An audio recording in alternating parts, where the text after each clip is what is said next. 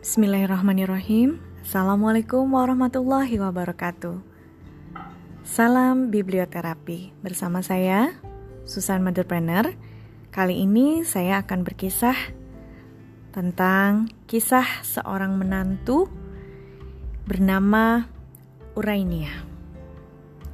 Siapakah Urainia? Urainia adalah istri Yazid.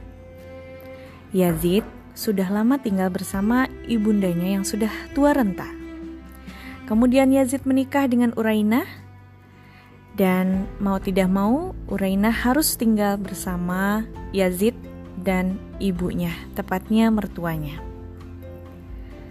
Namun setelah menjalani kehidupan pernikahannya, Urainia merasa dia sangat membenci mertuanya.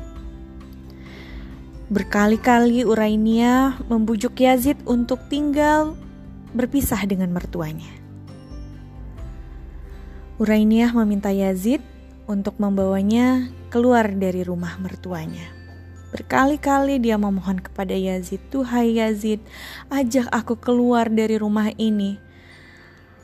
Lalu Yazid berkata pada Urainia, "Ya Urainia istriku, Aku bukanlah orang kaya, dan ibuku sebatang kara dan sudah tua renta. Berkali-kali Yazid memberikan pengertian pada Urainiah, pun tak jua mempan. Urainiah tetap membenci mertuanya. Suatu ketika, kebencian Urainiah terhadap mertuanya semakin menjadi-jadi. Ia pergi menemui seorang tabib dan Urainiah meminta racun kepada tabib itu untuk mertuanya.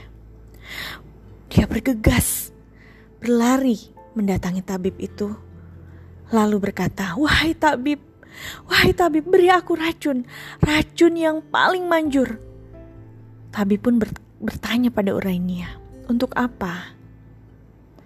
Urainiah menjelaskan bahwa dia sangat membenci mertuanya dan dia ingin mertuanya mati. Lalu tabib itu masuk ke dalam ruangannya. Kemudian seolah-olah tabib itu memberikan petuah kepada Urainia agar dia memberi racun ini secara bertahap. Tabib itu berkata, "Wahai Urainia, ini racun yang sangat mujarab. Ini akan membuat mertuamu meninggal, tapi Syaratnya, kau tidak boleh memberikannya sekaligus. Lalu bagaimana Ur Urania harus memberikannya? Tabib itu menyarankan agar racun itu dia campur setiap harinya dengan segelas air. Dan lalu syarat lainnya adalah secara rutin racun itu selalu diberikan kepada mertuanya dan harus disertakan dengan patuh kepada mertuanya. Urainiah, berikan racun ini pada mertuamu. Patuhi semua keinginannya. Layani semua kebutuhannya. Hormati dia. Turuti dia. Berbuat baiklah kepada orang tuamu, kepada mertuamu, kata tabib tersebut. Lalu Urainia pergi meninggalkan tabib itu. Dia bergegas pulang untuk mengikuti perintah tabib. Keesokan harinya, ia lakukan apa saja yang diminta oleh tabib itu. Dia turuti semuanya. Dia melayani mertuanya dengan sangat baik. Dia mendengarkan petuah mertuanya dengan sangat baik. Dia juga menuruti apa yang diminta mertuanya. Dia layani mertuanya. Dia hormati mertuanya. Semua kebutuhan mertuanya dia ikuti.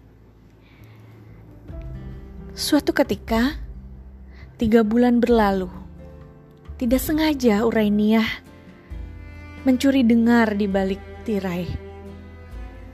Tak sengaja Urainiah melihat mertuanya memuji-muji Urainiah kepada Yazid.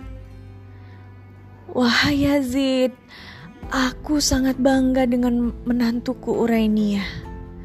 Sayangi dia, aku sangat sayang padanya.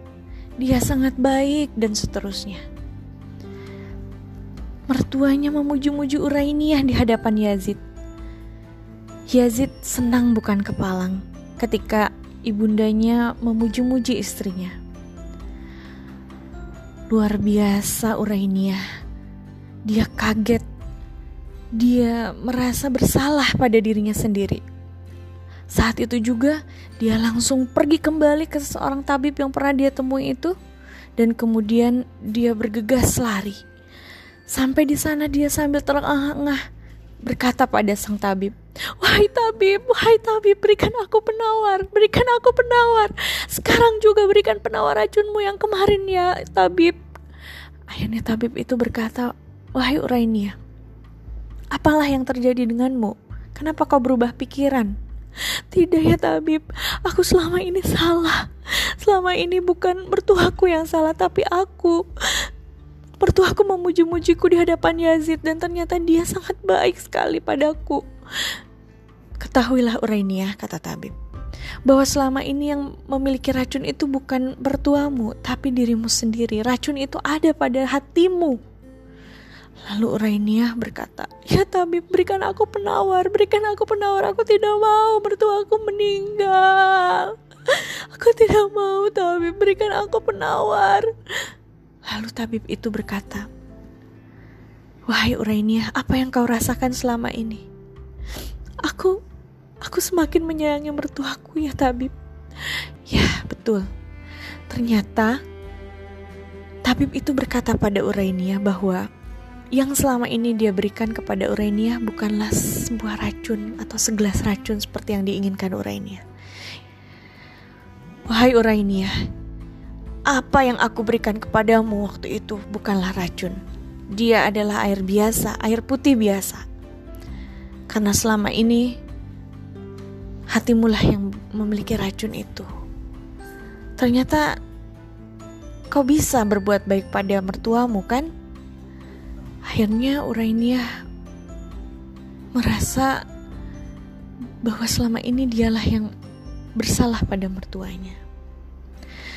Sahabatku, apakah racun itu juga masih bersemayam di dalam hati-hati kita?